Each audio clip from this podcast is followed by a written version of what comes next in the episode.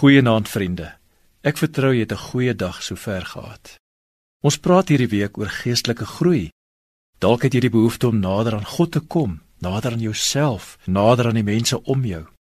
Om geestelik te groei en te kan floreer, het ek 'n groeiplan nodig wat soos 'n trellis of 'n traliewerk hierdie geestelike plantjie regop hou sodat dit kan opgroei na die son en die lig, sodat dit kan blom en vrug dra.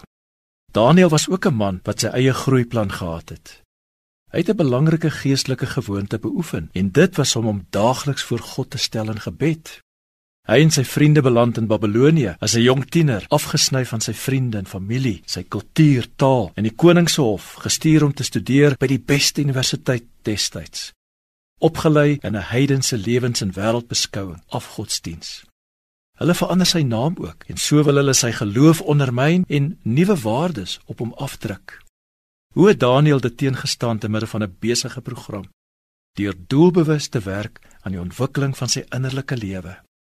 Hy oriënteer sy lewe rondom sy liefde vir God. Hy vermy sekere aktiwiteite, die koning se kos. Hy onderhou gereelde gebedstye saam met God. En so het hy geblom en floreer as man van God in 'n vyhandige omgewing.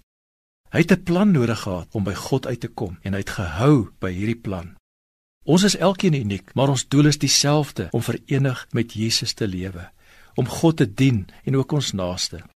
Hoe ons hierdie doel gaan bereik gaan varieer volgens my persoonlikheid, my gawes, my temperament, my roeping en ook die seisoen van my lewe.